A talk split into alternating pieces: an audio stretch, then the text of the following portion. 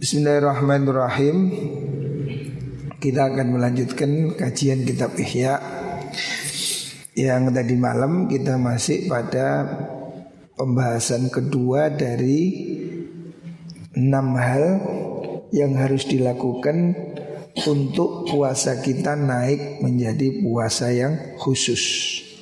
Kemarin disebutkan puasa ini ada tiga tingkat ada puasa biasa, sederhana, ada istimewa, ada sangat istimewa. Jadi ada khusus, ada khususil khusus.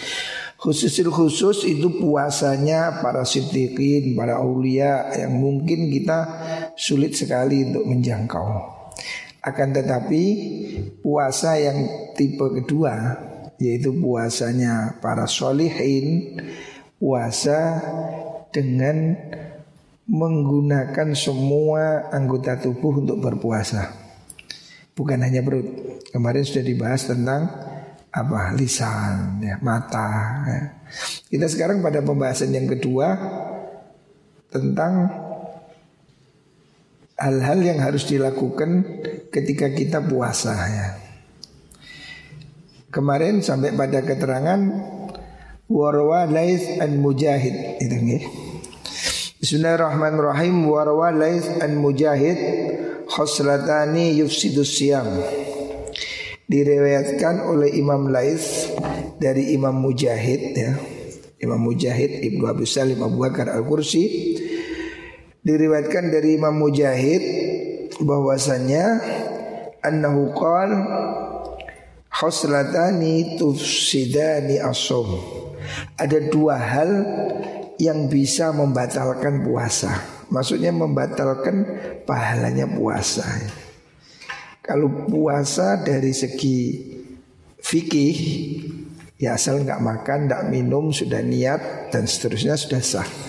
Akan tetapi menurut pandangan sufi ya, pandangan para ulama akhirat bahwa ada dua hal yang bisa membatalkan puasa. Artinya pahalanya puasa ya. Apa itu? Khoslatani ada dua hal yang membatalkan puasa yaitu al-ghibah. Yang pertama menggunjing ya, ngerasani. Wal kidbu dan bohong ya. Dua hal ini bisa membatalkan pahala puasa. Artinya puasanya mungkin tetap bisa jalan ya secara syariat puasanya tidak batal sah akan tetapi tidak ada pahalanya ya. Seperti yang dikatakan oleh Rasulullah Shallallahu Alaihi Wasallam, "Amin soimin laisa lahu min siyamihi illal absu wal ju'."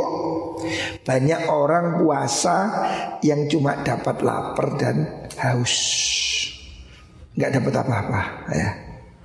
Makanya di sini diberi tekanan dua hal ini jangan dilakukan ya. Kalau kamu berpuasa jangan menggunjing, jangan berbohong. Hadis lain Rasulullah Shallallahu Alaihi Wasallam menyatakan man lam yada qaula zur wal amal bihi falaysa haja ayyada ta'amahu wa syarabah. Siapa orang tidak bisa meninggalkan bohong dan perbuatan bohong, maka Allah nggak butuh dia nggak makan. Allah nggak butuh. Wong kamu nggak makan itu loh, ya sesuatu yang asalnya itu boleh. Makanan itu kan pada dasarnya boleh. Apalagi makanan milikmu sendiri, nggak ada efek sebetulnya. Tapi kalau bohong itu sejak asal sudah haram. Makanya untuk apa kamu puasa meninggalkan sesuatu yang halal tapi malah melakukan sesuatu yang haram ya. Makanya ini harus dihati-hati ya. Waqala Rasulullah sallallahu alaihi wasallam Inna sauma junnatun Puasa itu adalah tameng Puasa itu tameng. Faida kana ahadukum iman apabila seseorang kamu itu puasa ya, fala yarfus. Jangan berucap kotor ya. Jangan berucap jorok, jangan berucap rofas itu sesuatu yang cenderung ke pornografi ini. Ngomong no jeruan-jeruan nih lah. Walaya jahal dan jangan bertindak bodoh. Bertindak bodoh itu artinya jahil ya. Wa'arid anil jahilin. Jahil itu ya mengganggu orang lain. Ya. Perbuatan yang merugikan orang lain. Ya. Jahil itu makanya Al-Quran mengatakan Nabi Musa mengatakan Qala a'udzubillahi an akuna minal jahilin Qalu atattakhiduna huzwa Apa kau memperolok-olok kami? Qala a'udzubillahi an akuna minal jahilin. Saya tidak akan melakukan perbuatan itu. Membuli, mengolok-ngolok Itu termasuk minal jahilin Perbuatan jahil ya. Maka walaya jahal kalau kamu berpuasa Jangan berbuat bodoh. Maksudnya berbuat bodoh itu berbuat yang Mengganggu orang lain ya. Itu bodoh.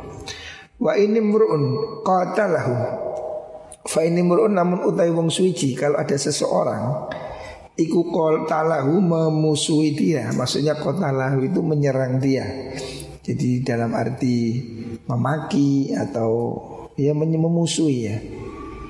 Ausyatamahu utawa misui sapa wong umruun hu ing wong kalau kamu itu puasa kamu di tantang gelut atau kamu dipisui ya kalau kamu dimaki-maki orang ketika puasa ya fal yakul inni imun inni imun fal yakul nabi perintah. Hendaknya kamu balas ucapkan. Apa? Ini imun sorry saya puasa. Ini so'imun saya puasa ya. Ini hadis riwayat Imam Bukhari dan Imam Nasai ya. Hadis ini hadis sahih Jadi Rasulullah SAW mengajarkan supaya jangan meladeni orang berbuat jahat atau jangan meladeni orang jahil ya. Jadi puasa itu jadikan tameng. Artinya hendaknya kamu puasa ini bisa menahan diri ya. Kamu jangan ngamuan, ya. jangan emosian. Ya. Walaupun kamu di tantang gelut, kamu dipancing emosinya sama orang. Jangan diladeni ya. Jangan meladeni orang yang mengajak kamu bertengkar. Ya. Kalau kamu puasa, kamu jangan meladeni orang bertengkar. Kalau ada orang misui, maki kamu, jawab saja ini so'imun. Ini so'imun ini diucapkan pelan atau keras. Nah ini ulama berbeda pendapat ya. Ulama berbeda pendapat tentang yang dimaksud dengan mengucapkan ini so'imun itu apa gitu. Kan puasa ini harusnya jadi tameng Tameng dia untuk tidak berbuat jahat ya. Terus kemudian ini so'imun itu apa? Saya puasa ini maksudnya apa? Dia ulama mengatakan ini soimun ya memang lafat itu ucapkan. Maaf, saya nggak mau bertengkar. Saya puasa. saya puasa. Atau bisa juga diucapkan di dalam hati untuk menahan emosi. Is, saya nggak mau tengkar. Saya puasa. Jadi falyakul ini soimun ini apa namanya bisa dilakukan dengan diucapkan pada orang yang mengajak tengkar ya supaya dia tidak mengajak tengkar atau kita ucapkan pada diri kita sendiri ya ya jadi jangan meladeni pertengkaran kalau kita puasa ya. Jadi jangan diladeni ya. Falyakul ini so'imun ada dua takwil ya. Ulama ada yang mengatakan termasuk Imam Rafi'i yang dimaksudkan ini so'imun itu di dalam hati. Jadi ini ngerem ini imun. Artinya sudah Nah, tetapi ada yang mengatakan itu memang diucapkan keras saja. Enggak, aku gak mau tengkar. Ini imun. Sorry, saya puasa. Ya. Jadi ada dua pendapat dan Imam Nawawi dalam kitab Azkar memilih pendapat ini ya. Tapi dua pendapat ini baik. Jadi kata-kata ini so imun ini bisa diusap diucapkan keras supaya orang yang ngajak tengkar ini nggak jadi atau kita ucapkan di dalam hati untuk mensugesti supaya kita ini jangan bertengkar ini so imun ya Ada yang mengatakan Imam Royani mengatakan ini soimun ini ditafsir. Karena Nabi mengatakan kalau kamu diajak bertengkar katakan ini soimun. Kalau menurut Imam Royani ini soimun ini lihat kasusnya. Kalau puasa Ramadan puasa wajib ucapkan dengan lisan. Supaya orang tahu saya nggak mau tengkar saya puasa. Tapi kalau puasa sunnah umpamanya puasa Senin Kemis puasa ayamul bid itu tidak perlu diucapkan ini soimun. Karena apa? Ini ibadah sunnah ini kan menjadi satu rahasia kita. Maka cukup di dalam hati. Jadi kalau kita mau emosi tahan. Ini soimun ya saya puasa jadi kalau puasanya fardu diucapkan dengan terang-terangan itu bagus jadi ini ajaran yang dilakukan oleh Rasulullah Sallallahu Wasallam. Wajah afil khobar ada juga sebuah hadis ya, sebuah riwayat. Inna ini somata. Ada dua perempuan ini berpuasa. Ya. Ini hadis walaupun ini doif ya Tapi ada riwayat ya. Tapi Imam Ghazali ini sudah melampaui pemikiran orang biasa ya. Karena beliau sudah mempunyai ilmu yang tingkatan ma'rifat. Mungkin ahli hadis lahir menganggap doif Tapi Imam Ghazali punya sudut pandang ruhani yang Dia secara maknawinya sahih ya. Ini satu riwayat Inna ini somata ala ahdi Rasulillah Sallallahu alaihi wasallam ada riwayat ketika zaman Nabi ada dua wanita ini puasa. Ada dua perempuan puasa. Tidak disebutkan namanya siapa. Pokoknya ada riwayat ada dua orang ini puasa ya. Ada dua orang puasa. Fa'ajhadahuma Puasa itu memayahkan dia Artinya dia kesusah payah melakukan puasa itu Kelaparan dia Jadi ada dua wanita ini puasa nggak tahan sudah capek ya, capek mau mokel ya. Fajhadahuma ai at'abahuma. Maksudnya dia kepayahan. Puasa ini membuat dia posisi ngedrop, ya, capek atau haus. Atba'ahumal ju' wal atas. Dia menjadi ke kepayahan, kelaparan dan kehausan. Karena kan ini di negara Arab puanas ya. Ada dua perempuan puasa kelaparan ya. Terus itu belum maghrib min akhirin nahar. Masih masih sore ya. Masih siang menjelang sore. Ada dua wanita puasa nggak kuat. Hataka dada an tatlafa.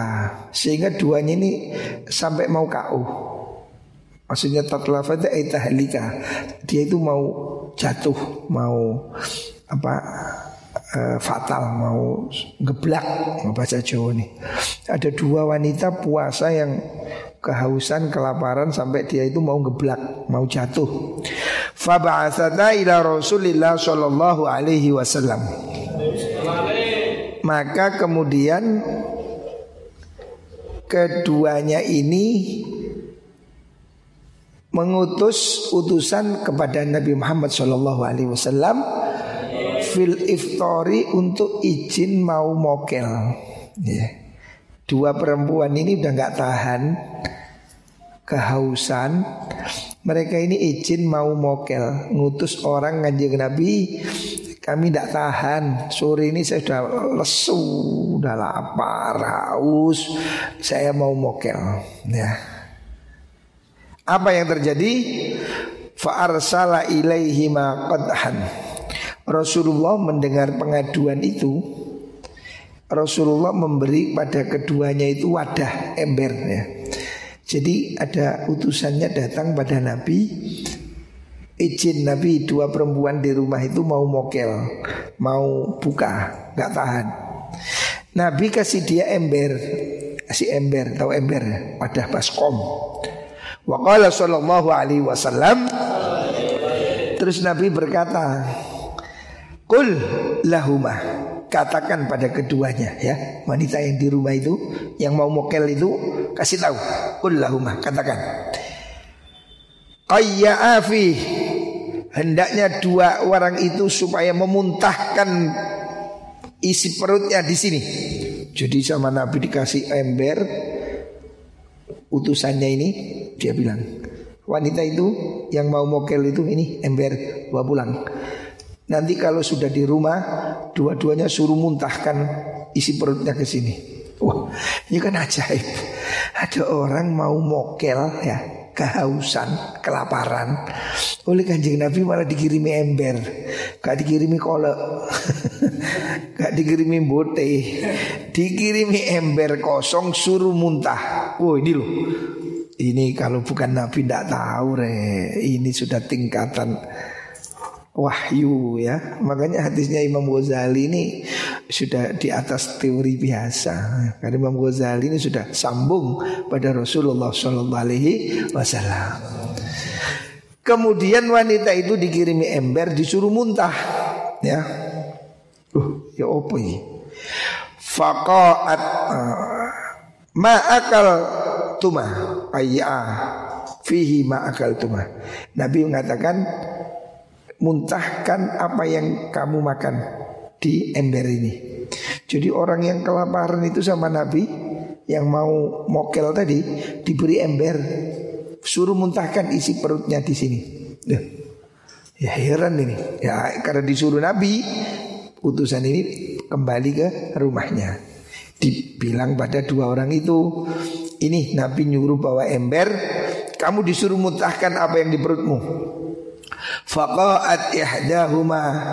Salah satu dari dua wanita ini Muntah ya. Muntah nisfahu daman Separuh darah Ya. Abiton Darah segar. Jadi muntahnya ini darah segar Ya. Dia muntahnya darah segar. Darah yang ya seperti darahnya belepetek itu. Walahman ghoridon dan muntah daging segar juga. Aneh kan ini?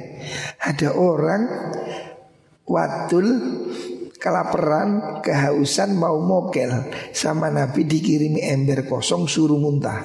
Ternyata yang dimuntahkan itu darah dan daging segar. Wah, darah. Wah, daging. Hah? Daging segar. Waqa'at al-ukhra. Satunya juga muntah yang sama. Mislah dhalik. Sama. Dua orang ini muntah darah dan daging segar. Hatta ma'la'atahu Sehingga kedua untahan dua wanita ini Memenuhi embernya ini. Gimana?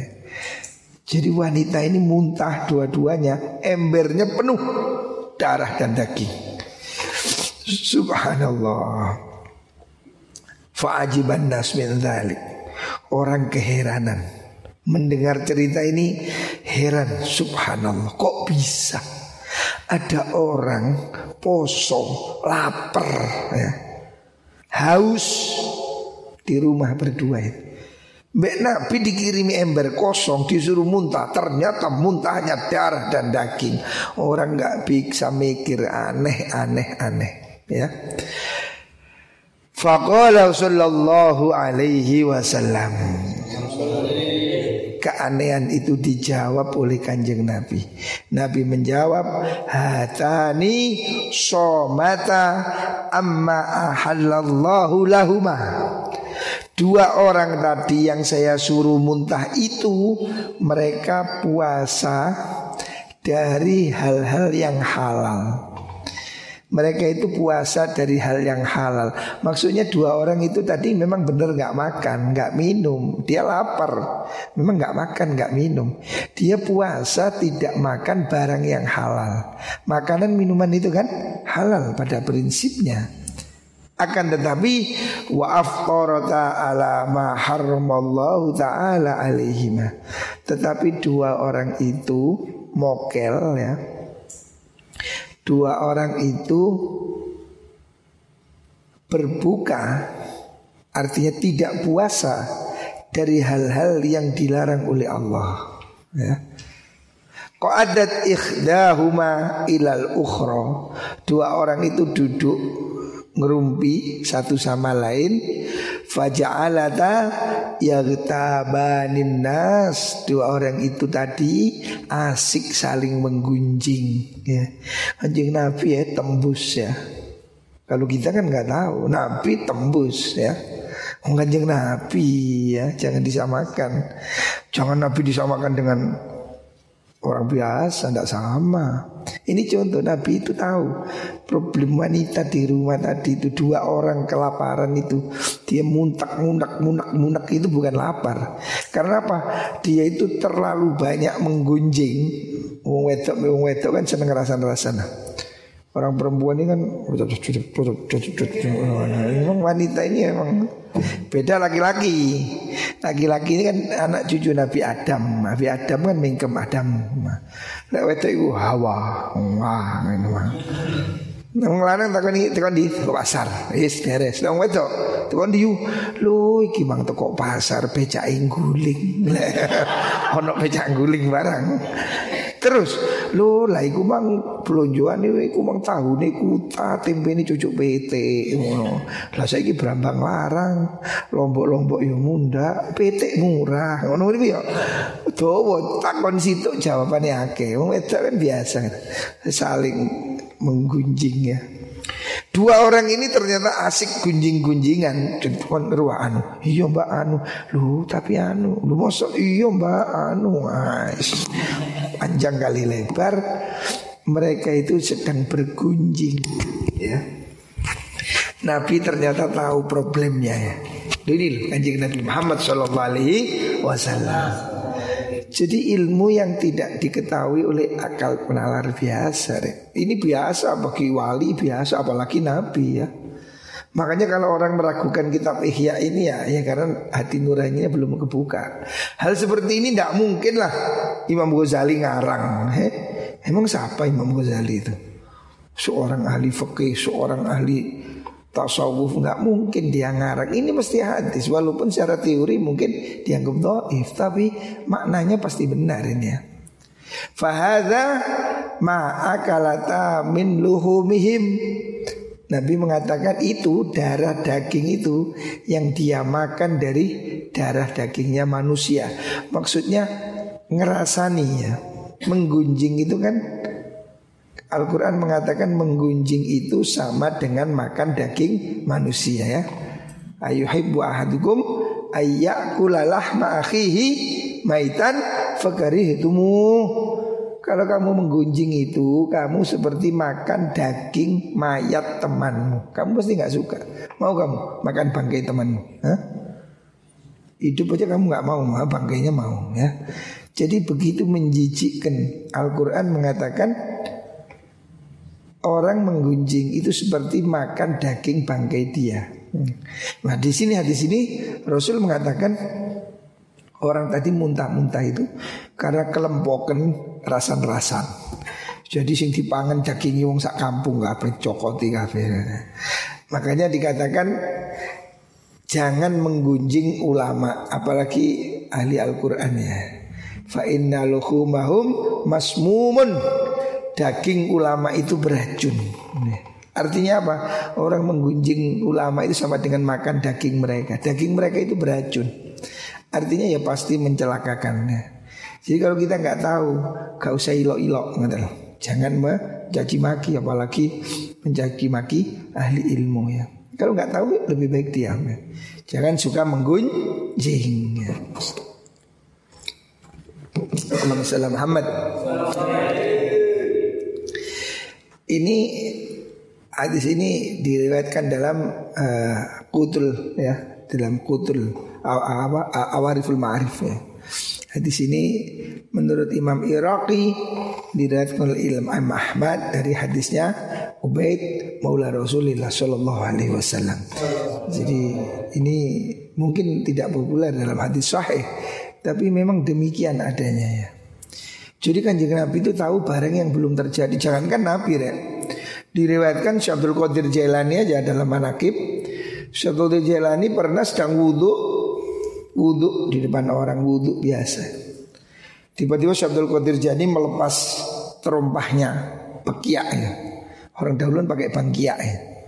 Tiba-tiba tengah wudhu Syabdul Qadir Jailani noleh ngambil terumpah diantam ke langit sambil teriak. Pas tuh antam. Orang tidak tahu terbang begitu aja. Tidak ada yang ngerti. Kenapa Syabdul Qadir tiba-tiba Menghantam terumpahnya ke langit? Satu bulan kemudian baru tahu Ada apa? Ada rombongan datang ke Syabdul Qadir. Ternyata mereka itu bercerita Sebulan yang lalu mereka ada di hutan Dirampok Dibegal. Orang-orang yang dibegal ini Orang-orang santri soleh Berdoa menangis pada Allah Ya Allah Bantulah kami dengan berkahnya Syekh Abdul Qadir Jailani. Syekh Abdul Qadir Jailani dari jarak seribu kilometer dengar. Satu bulan kemudian kan satu seribu kilometer itu. Jadi Syekh Abdul Qadir Jailani sedang wudhu mendengar teriakan orang di bekal di hutan. Mereka berteriak Syekh Abdul Qadir bantulah saya. Seketika Syekh Abdul Qadir lemparkan terumpahnya tepat mengenai kepala begalnya pecah. Wah, jarak seribu kilometer.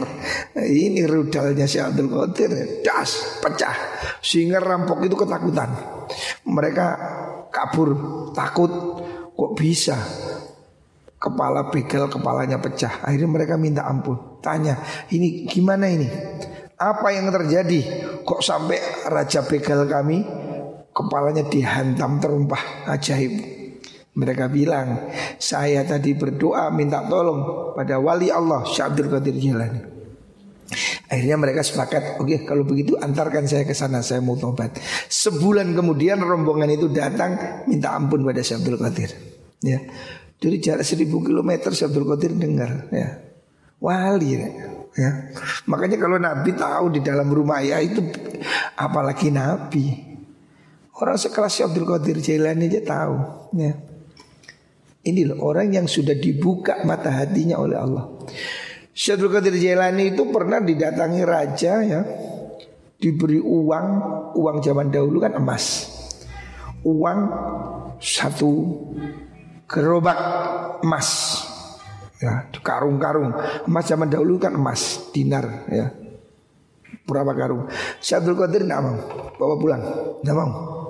Makso Tolonglah Syekh Abdul Qadir Saya mau sodakoh. Terimalah Pemberian kami Emas. Apa kata Syekh Abdul Qadir? Bawa sini satu karung Keluarkan. Ambil emas satu karung Kering-kering Emas ya berat. Dipegang sama Syekh Abdul Qadir Apa itu? Karungnya Dipeluntir Ser mengalir darah. Emas dipeluntir mengalir darah. Kata Syekh Abdul Qadir Lihatlah Bagaimana saya mau harta kamu hasil menghisap keringat rakyat. Nah, kan penguasa ini banyak yang menjadi penghisap, mari pajak, mari apa, suap. Mas Abdul Qadir tidak mau dikasih, bawa pulang. Saya tidak mau. Ini uangnya diperes keluar darah. Wali re. Coba aku sendiri yo. Alhamdulillah. ya karo. Masih Abdul Qadir gak doyan ya. Wali itu seperti loh, kelas wali ya. Ya kanjeng Nabi juga. Nabi pernah ditawari oleh malaikat Jibril gunung Uhud mau dijadikan emas. Gunung Uhud loh. Gede, gede. Nabi kalau mau Uhud mau dijadikan emas. Kalau Nabi mau harta tinggal ambil. Kanjeng Nabi tidak mau. Nah, coba aku sini tawani. Cepetan. ya inilah kanjeng Nabi, itulah para wali ya. Jadi tahu apa yang belum terjadi mereka melihat dengan mata batin yang jernih ya. Itu makanya jangan batalkan puasa dengan maksiat-maksiat supaya apa? Pikiran kita menjadi lebih jernih ya. Asalisu yang ketiga, ya, jadi ini bagian yang ketiga dari enam hal. Ya. Enam hal yang membuat puasa kita akan naik tingkatnya. Pertama kemarin jaga apa? Jaga mata, jaga lisan. Yang ketiga asalisu kafus sam'i. Yang ketiga jaga ini apa? Telinga, pendengaran. Anil isgha'i ila kulli makruhin. Jangan dengarkan semua hal yang tidak disukai, tidak disukai oleh syariat ya. Bukan tidak disukai oleh kuping kita. Kalau kuping kita ini kan selera. Ini seleranya ambiar, Didi Kempot. Yang ini seleranya dangdut itu bisa jeda. Tapi yang dimaksud tidak disukai itu tidak disukai oleh syariah. Lianna kullama haramallahu qawlahu harumal isgha'u ilaihi. Karena semua hal yang diharamkan semua hal yang diharamkan untuk diucapkan itu haram untuk didengarkan. Ya. Dengarkan tidak boleh. Jadi ada orang menggunjing, menggunjing ini haram. Dengerin juga haram. Jadi kamu nggak boleh menikmati gunjingan itu, ya. Jadi mendengarkan sesuatu yang tidak boleh diucapkan itu sama aja haram ya.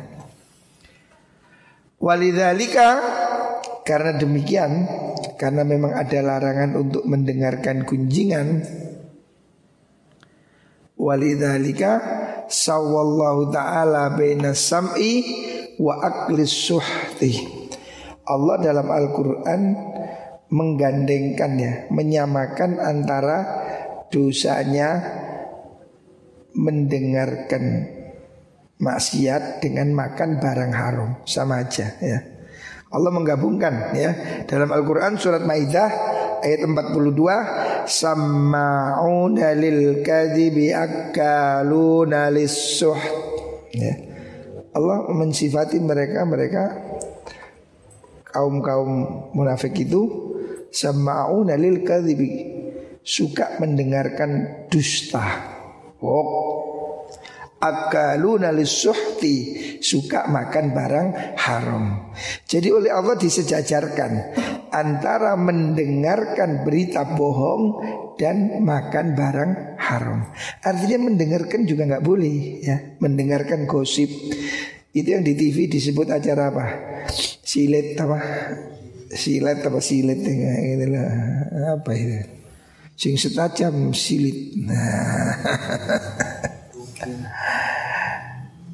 Gosip menggosip gosip. Tidak boleh dengerin juga nggak boleh ya.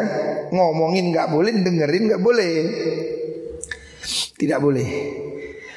Allah mengecam itu. Sama'una lil kadhibi akaluna lisuht Mereka itu mendengarkan kebohongan dan makan barang haram. Oh, Cecer dua-duanya ya dalam ayat yang lain Allah berfirman laula yanhahumur rabbaniyuna wal ahbaru an qaulihimul ithm an qaulihimul ithma wa aqlihimus suh ya laula yanhahum mengapa mereka tidak dicegah? Ya tidak dicegah oleh ar-rabbaniyun para ahli agama. Rabbani orang ulama Yahudi itu kan namanya Robbi Rabi Rab, Rab, Rabbi ya Rabbani.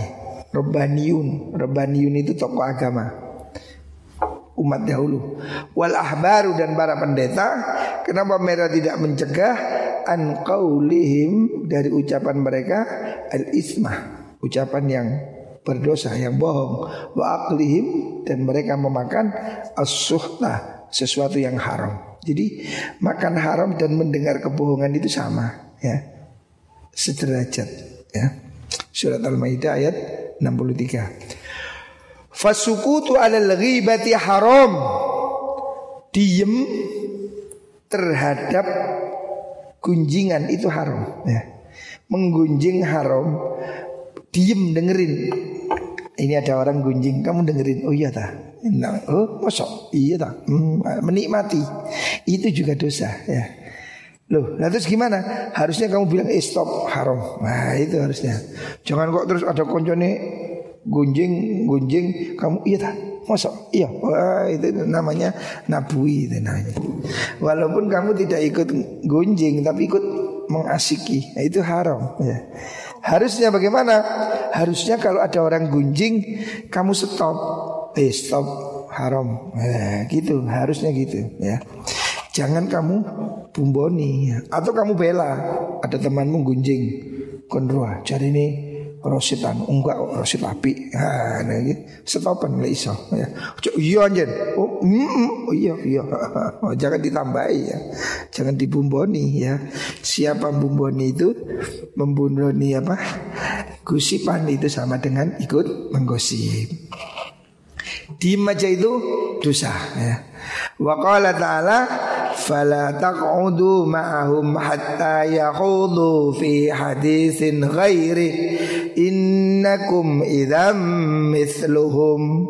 Ya. Allah mengatakan dalam surat An-Nisa ayat 140 Allah mengatakan fala taqudu ma'ahum. Jangan kamu duduk bersama mereka ya. Orang gosip-gosip jangan kamu ikutin jangan duduk bersama mereka ya. Hatta yahudu fi haditsin ghairi Sampai dia ngomong ucapan yang lain. Jangan kamu ikuti ya. Innakum idham mithluhum. Kalau kamu ikut duduk ngopi Mendengerin gosip ya kamu sama. Dosanya sama ya. ya Makanya jangan ikutnya ya. Jangan ikut gosip. Makanya kalau Ramadan itu yang lebih baik Jangan banyak kumpul-kumpul. Istim aja baca Quran, ngaji, kecuali ikut majlis taklim ya. Sekarang kan musim corona ini semua online ya, ngaji online. Saya lihat semua pondok online ya sudah. Daripada ke mana-mana ya wis beli pulsa ngaji online. Ya. Walidzalika qala Rasulullah sallallahu alaihi wasallam karena itu Nabi menyatakan al-mughtabu wal mustami'u syarikani fil ismi. Orang yang menggunjing dan yang mendengar sama dosanya. Ya, karena orang yang menggunjing kalau nggak ada yang dengerin kan ya gak terus. Mau ada orang gunjing, terus kamu pit pergi, kan gak situ. Orang gunjing karena kamu dengerin, iya ta, oh, iya ta, oh, iya tambah tuwe, iya ta, iya, loh, masuk, iya lah itu tanggaranya. Jadi jangan diikuti orang yang bergunjing ya. Ini larangan Rasulullah menggunjing dan mendengarkan gunjingan. Sekarang yang keempat Ar-Rabi'u. Catat yang keempat Diiling-iling ada enam ya Enam cara untuk menaikkan puasa kita menjadi tingkatan istimewa yang pertama jaga apa? Yang pertama jaga mata. Yang kedua jaga lisan. Yang ketiga jaga telinga pendengaranmu. Yang keempat ar-rabi'u yang keempat kafu baqiyatil jawarih. Yang keempat kamu cegah semua anggota tubuh ya. Semua ya. Global. Minal yadi dari tangan. Warijeli kaki. Anil makarihi dari semua hal yang dilarang ya. Tanganmu jangan ikut-ikut jawil-jawil ya. Atau ketek-ketek. Ya. Atau gini-gini. Atau apalah ya. Kaki juga wa kaful batni anis subhat Selanjutnya juga cegahlah makanan syubhat. Jangan makan sesuatu yang belum jelas halal dan haram. Aslinya itu kamu harus cak faham ini halal apa haram.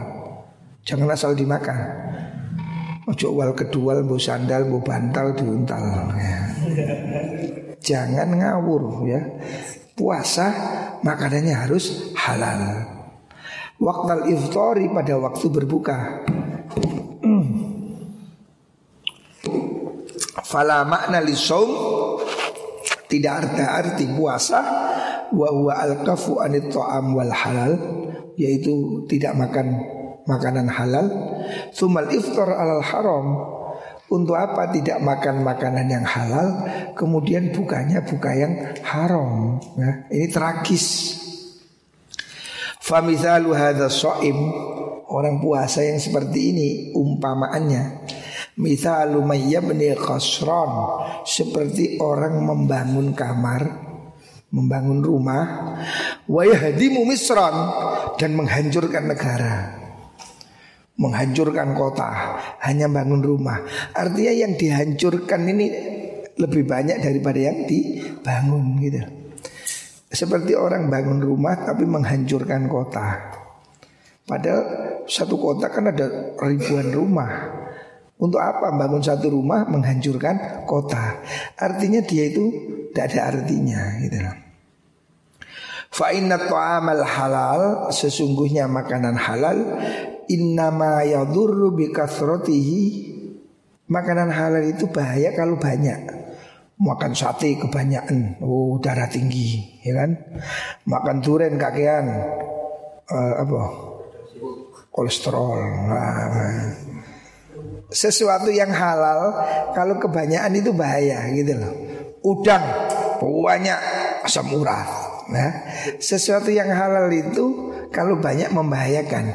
La binauihi bukan jenisnya, jenisnya kan tidak ada yang haram ya. Duren halal, udang halal, sate halal, gulai halal ya. Jenis makanan itu halal, tapi kalau banyak berbahaya. Fasaumu litaklilihi Puasa ini tujuannya mengurangi makanan halal itu ya. Watarikul istiqsari minad dawa haufan min dororihi jadi kita puasa itu mengurangi makan seperti orang mengurangi obat supaya tidak overdosis ya. Kita ini butuh obat ya. Vitamin lah. Ini musim corona ini kan suruh vitamin C, vitamin E ya. Kita itu tapi nggak boleh banyak-banyak. Jangan makan vitamin C sak botol. Ya. Wal mincrit. Vitamin itu bagus, tapi nggak usah banyak-banyak ya. Makanan itu bagus, tapi jangan banyak-banyak. Makanya disuruh puasa. Watar muntibu fa inna ta'amal halal inna ma yadur bi kasrati labinawi. Fa shaumu Puasa itu untuk mengurangi makanan.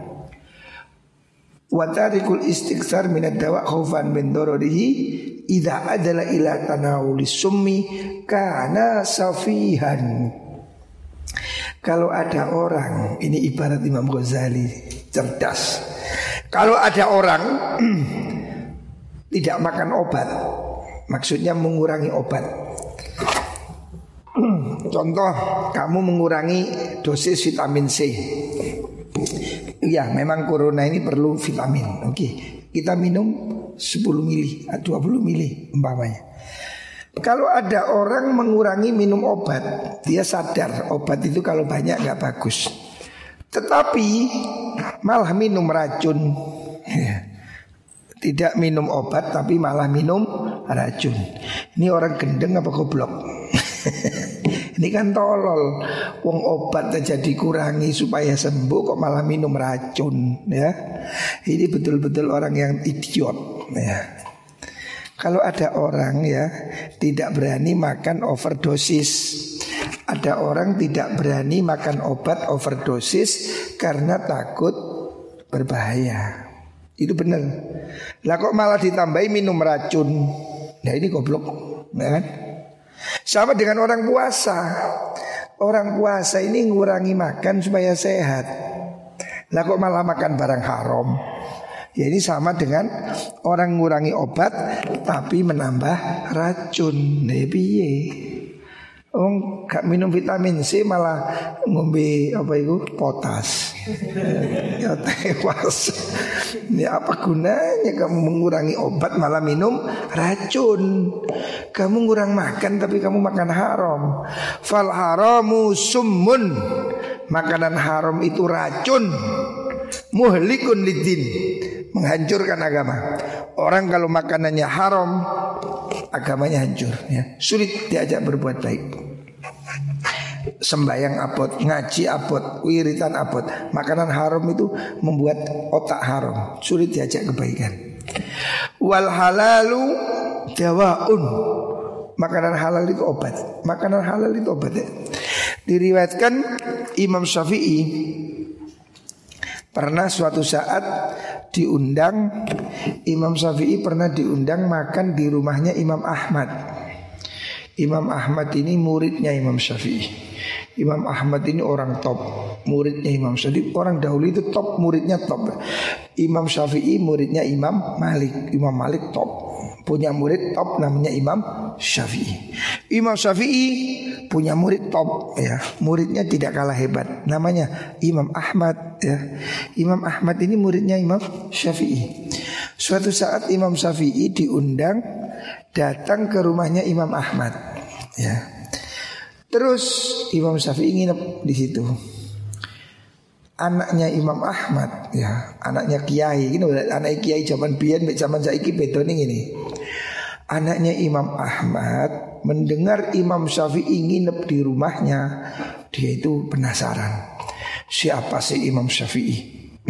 Karena Imam Ahmad itu selalu memuji Imam Syafi'i Bahwa Imam Syafi'i itu adalah matahari bagi dunia jadi manfaatnya Imam Syafi'i bagi kehidupan itu seperti manfaatnya matahari bagi dunia. Imam Ahmad ini sangat mengagumi Imam Syafi'i. Sehingga ketika Imam Syafi'i nginep di rumah Imam Ahmad, anaknya, putrinya ini penasaran siapa sih Imam Syafi'i. Maka malam hari itu ditunggui. Imam Syafi'i tahajud apa enggak gitu. Dinta ini bengi mari sampai subuh. Kok kadang ceding Nah, curiga deh. Cari kiai kok kata hajat ya apa ini? Jangan ini kiai kawi tiga. mulai mulai suudon. Kiai kok kata hajat cari hebat. Ya sudah. Begitu subuh, sholat subuh jamaah biasa dijak sarapan. Begitu sarapan makannya banyak. Kaget lagi anaknya Imam Ahmad. Katanya ini kiai kok makan itu ya Nah Kok ngalah-ngalahi samsul lagi. Makannya kok ake tiba kiai Oh pak kiai lah. Anaknya ini memperhatikan hal-hal yang positif. Maksudnya tahajudnya gimana? Kok makan banyak? Jadi yang diperhatikan itu hal-hal yang bagus bukan sandali merek apa. Nah, ada saya kan ngono didelok. Ku sepeda motor ah ternyata Supra. Dinilai sepeda motor. Motor apa? Avanza. Kalau Imam Syafi'i, Imam Ahmad punya anak yang dilihat itu tahajudnya. Loh, Imam Syafi'i kok nggak ke toilet? Wah, pagi habis jam subuh kok makannya banyak. Hmm. Imam Syafi'i ini wali re Imam Syafi'i. Makanya ulama dahulu itu bukan hanya otak re Hatinya itu kuat ya. Beda dengan orang sekarang ya. Teori ini Wake ngomong sampai gebrus-gebrus sampai berbusa-busa. Tapi nggak ada efeknya. Karena apa? Batinnya kosong. Imam Syafi'i ini Orang alim Batinnya luar biasa jadi Imam Syafi'i tahu kalau dia dirasani itu tahu. Makanya sebelum pulang Imam Syafi'i bilang, Imam Ahmad, sini saya mau menjadi penjelasan. Oh kaget tono opo. Eh putrimu suruh dengerin.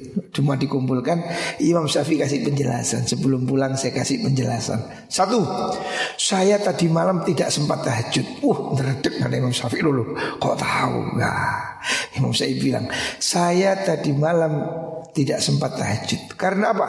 Karena semalam tadi saya tidak tidur.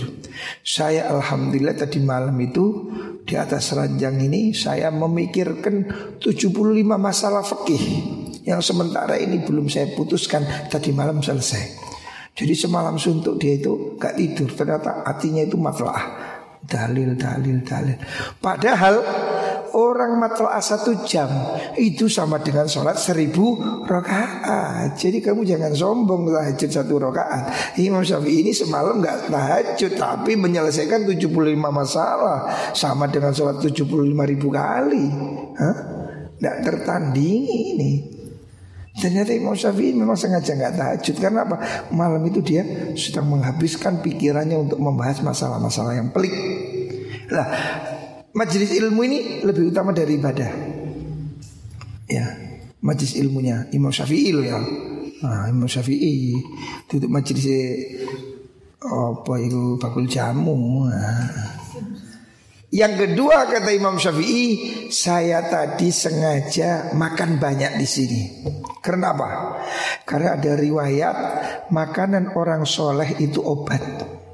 Maka saya sengaja makan agak banyak. Saya niat untuk makan obat karena saya ini kurang enak badan. Jadi makan tadi corong jamu ini tak makan kafe, flu, bodrek, antangin, lalu tak ambil kafe ya. Jadi niat makan obat. Nah, Imam Syafi'i Makanya jangan punya suudon pada ulama. Kita ini tidak ada sak kuku ireng ya. Belajar cerita terjemahannya sing merintih haram bid'ah. Ada orang baru pulang dari Saudi pengajian jenggot itu Bagaimana? Wah ini haram. Mana dalilnya? Haram.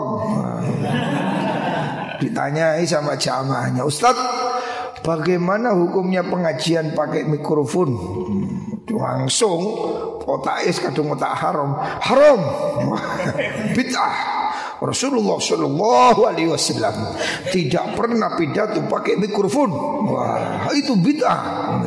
Padahal dia nggak mic. Loh lah yang Ustadz pakai itu, yang mana? Yang ini? Oh yang ini halal. Betul, betul. Haram diisi karo apa ini kelemik. Lah yang Ustaz pakai itu. Oh yang ini. Oh yang ini halal. Ini.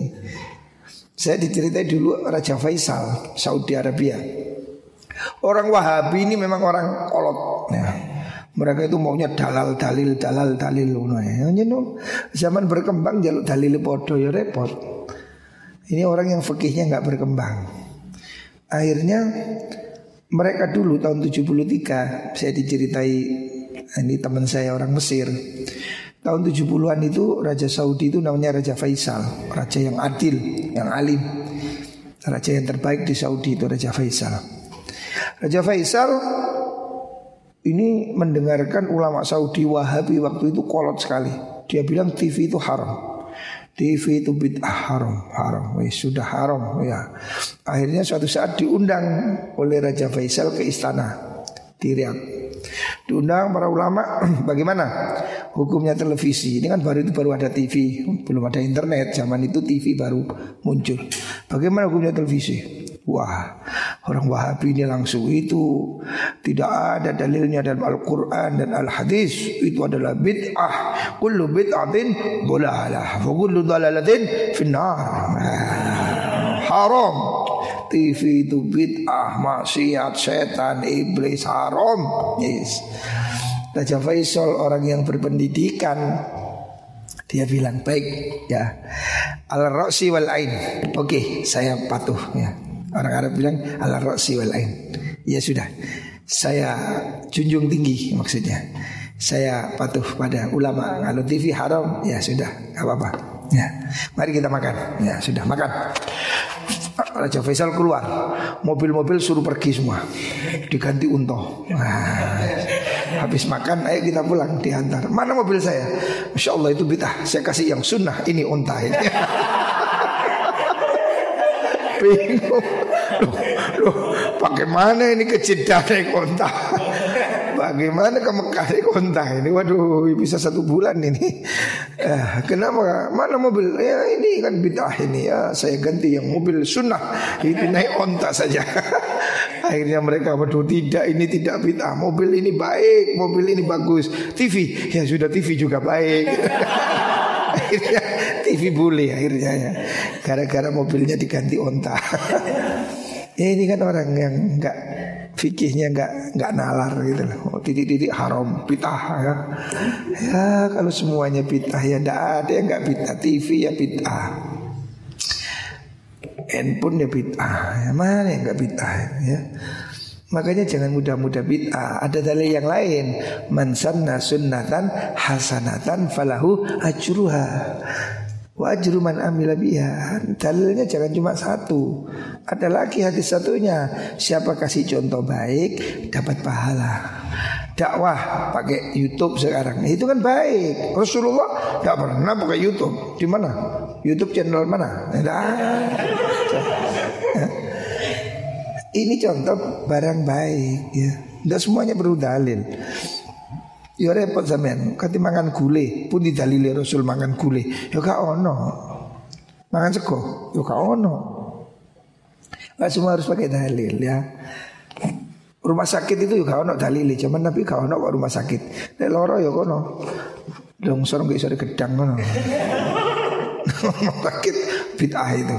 Perguruan tinggi juga bid'ah. Teman Nabi mana? Hanya Nabi kuliah di mana? Sayyidina Ali insinyur enggak. Bid'ah juga haram gitu. Rumah sakit haram, penjara haram, eh, haram apa? Ya mangan muntoi sih ya, nah, ya. Makanya ya ini harus ada nalar yang sehat. Muka-muka diparing ilmu sing manfaat.